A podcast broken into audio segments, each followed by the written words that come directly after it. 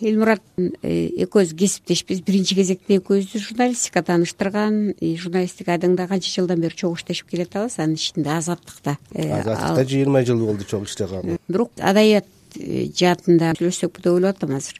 Сен өзүң драматург катары акын катары котормочу катары бир топ эмгектерди жаратып койдуң да мен билгенден. Ошо журналистика менен көркөм өнөрдөгү эмгектенүүнү экөөнү кантип ушу жанаша алып кетип баратасың да бул адабият менен журналистиканы мындай жанаша алып кетиш аябай өзү э, чоң өнөр.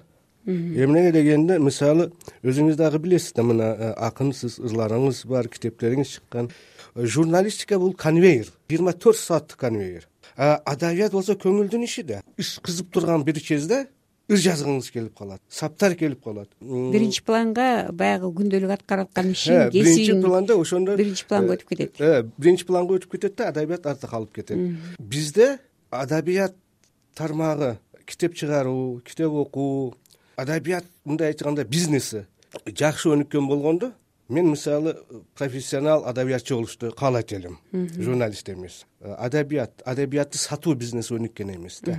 Чыгармачылыгыбызды сатуу. Сексен сегизинчи жылдарда бир кичине отуз кырк секундтук бир интермедия үчүн мисалы телекомпанияларда ошол кездеги акча менен элүү рубль гонорар алчумун. Мисалы анан кийин адамдарда театрга баруу Э, бир ишкыбызчылык бар эле да. Кийин э, токсон биринчи жыл келди.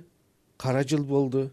Бизге эгемендигибиз алганыбыз жакшы болду. Бирок э, ошол жылдары адамдар бир эле курсагын ойлоп калды да. Ооба рухий баалуулуктар рухий баалуулук жок болуп калды бул токсон алтынчы жылга чейин. Ошо алты жылдын ичинде биз адамдарды рухий дүйнөсүн бир аз бузуп алдык деп ойлойм да мен. Адамдар китеп окубай койду. Акындар э, китеп жазбай койду. Бирок ошого карабай э, бир топ драмаларың бар экенин мен билем. Комедия мюзикл ушулордун баардыгы азыр э, коюлуп келатат.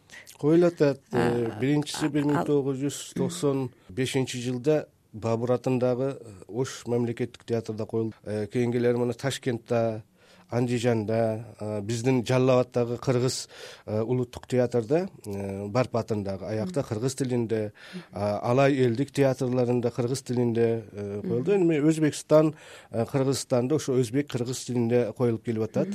Негизги тилиң кайсыл ошондо сен кош тилдүүсүң негизи кыргыз тилинде э, өзбек тилинде мен өзү чыгармачылыкты кыргыз тилинде баштаганмын э, журналистиканы. Бирок адабий чөйрөдө адабий чөйрөдө э, өзбек тилинде э, жазамын. Эмнеге дегенде кыргызча адабий чыгарма жазыш үчүн адам чыныгы кыргыз болуш керек. Эмнеге дегенде кыргызча ойлош керек кыргызча дух болуш керек кыргызча рух болуш керек. Ошонун баардыгы болбосо анда э, кыргызча жазганым чыныгы айтканда кыргыз элинин жүрөгүнө жетип барбайт ал. Андан тышкары ыр жазып келатасыңар э? Кайсы темада көбүрөөк жазасың? Бир теманы тандабайм да. Жакында э, өзбекстан илимдер академиясынын тил маданият жана фолклор институту э, менин туурамда китеп чыгарыптыр. Э, ошол китепте сөздөн мекен курган акын деген. Мындай деп жазыптыр да. Мен өзүм түшүнбөйм өзүм кандай акын экенимди. Элмурат бир карасаң кылычын алып жоого каршы чыккан патриот болуп калат.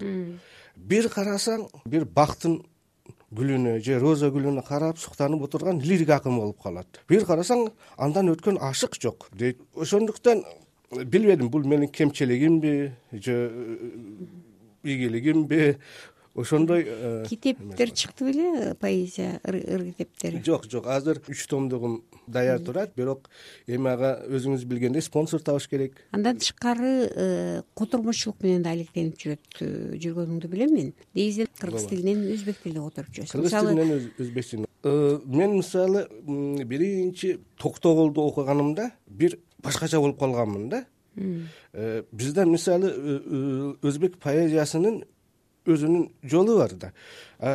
Кыргыз поэзиясынын өзү өзүнчө бир э, жолу бар. И кыргыз поэзиясындагы ошо токтогулдагы сөздөрдүн төгүлүп келиши мени э, бир башкача кылып койгон анан кийин которомун деп ошондон башталды.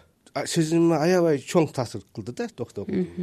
Анан кийин ошондон кийин барпы зайырбек ажыматов алы токомбаев жоомарт бокомбаевден жайга көп кыргыз акындардан которуп койгонмун. Анан өзү эле бир кичине китеп болушу мүмкүн. Токтогулдун гүлдөп ал деген ырын мисалы ошол кара күрбү шай кийип бойлогула кыздар ай кадыр көңүл бар чакта ойногула кыздар ай. Кайрылып кетпейт өмүрүң ойлогула кыздар ай ойной албай күлө албай ойногонду биле албай кайран жашты картайтып койбогула кыздар ай деген мисалы кандай которду немче кийип корадан бойлап өтүң кызлархон көңүллөр сүз кеткенде ойнап өтүң кызлархон өткөн умур кайтмайды ойланиңиз кызлархон жайрамастан күлмастан завкланышты билмастан гүл жошуңуз бой берип күйүп калмаң кызлархон сонун сонун. Албетте кыргыз өзбек э, адабий алакалар абдан терең кошуна эл тектеш тилдери дегендей.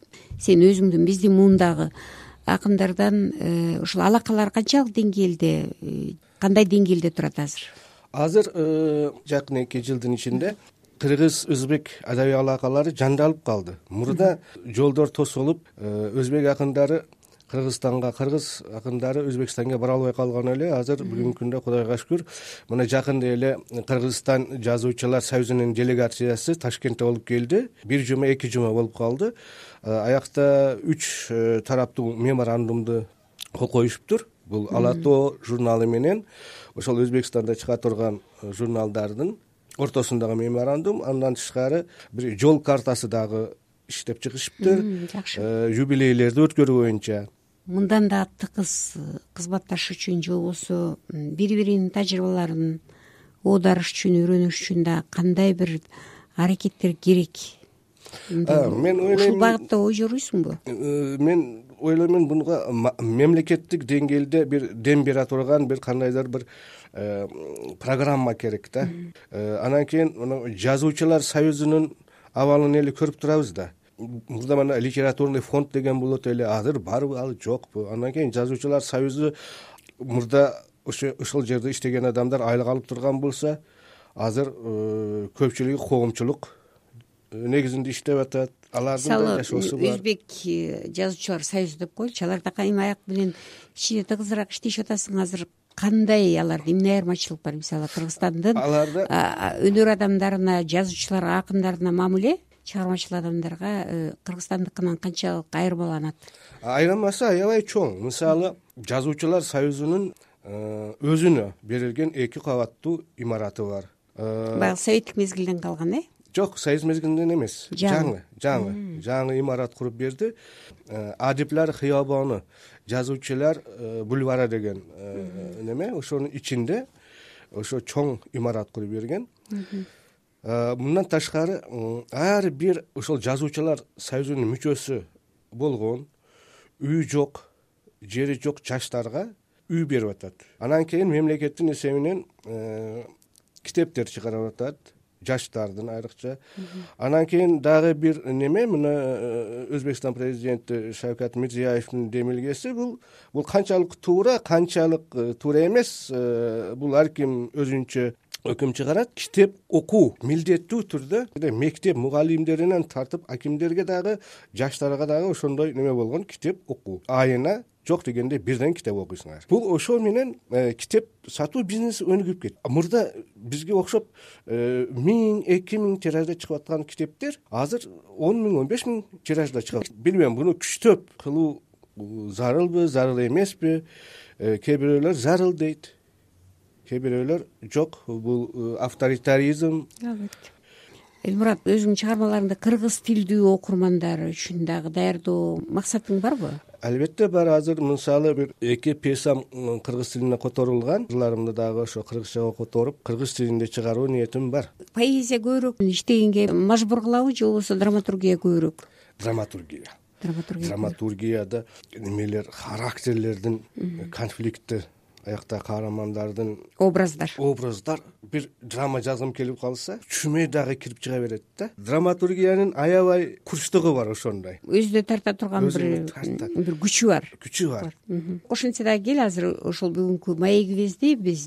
жакшы бир лирикалык ыр менен аяктайбыз. Жок мен өзүмдүн ырларым эмес. Мен мына э, раматтуу зайырбек ажиматовдон э, кылынган бир ырын окуп берейин. Мага башка бир ыр берген эле. Өзбек тилине которсоңуз ташкентте бир журналда чыгарышат экен суранып атышат деп. Ал айткан ырдан тышкары ошол падыша элди дагы. Эмнеге муну бербедиңиз десем падыша эл деп э, кыргыз эли улгунанып атат да өзбек угурман кандай кабыл алат экен дейт. Ой аябай жакшы кабыл алат. Ар бир акын өзүнүн элин көккө көтөрөт. Бул э, аябай жакшы сизге болгон урматты ашырат деп которгон элем ошону окуп берейин а? Улутташым кандашым көкүрөктө улуу намыс кайнасын ар бир кыргыз аманаты манастын хан тукуму кулга айланып калбасын. Көтөр бошну миллатдошум кондошум ору номус вулкон болуп толмасын. Ар бир кыргыз аманаты манасның хон авлоду кул болуп калмасын. Кадыр баланд осмонлорго жетер кол гарыптайын дол кылмаңыз кадларны үлкөн тоглор ином кылган таңырыдыр юксаклардан күзөтсүн деп хадларны кыргыз кызын офтоб десем кам болор эр йигитлер мырзодурсиз барчаңыз коюл калсын келип кеткен коноклор шахдам шахдам кадамларны ташлаңыз. Гам андухлар тарыхлардан олсун жой кууп чыгың урфон олсун орнуну тилику бу тил хатто битте кыргыз сөз унутулмай эгеллесин төрүнү кат көтөрүң көтөрүңүз бошларны нурли булуу жол улуулукка болсун жакт. Сен подшохсан подышохсан эй кыргыз. Тоглор эсе таңыры берген тилло такт бүжүрөбөй көтөр башты жаркылдап нур чайысын жан дүйнөңө алтын жаап. Сен падыша падышасың эй кыргыз. Атолоруң теңир берген алтын так зайырбек бул ырды да өзү абдан жакшы да окуп кеткен да. Анда элмурат чыгармачылык ийгиликтерди каалайм. Рахмат сизге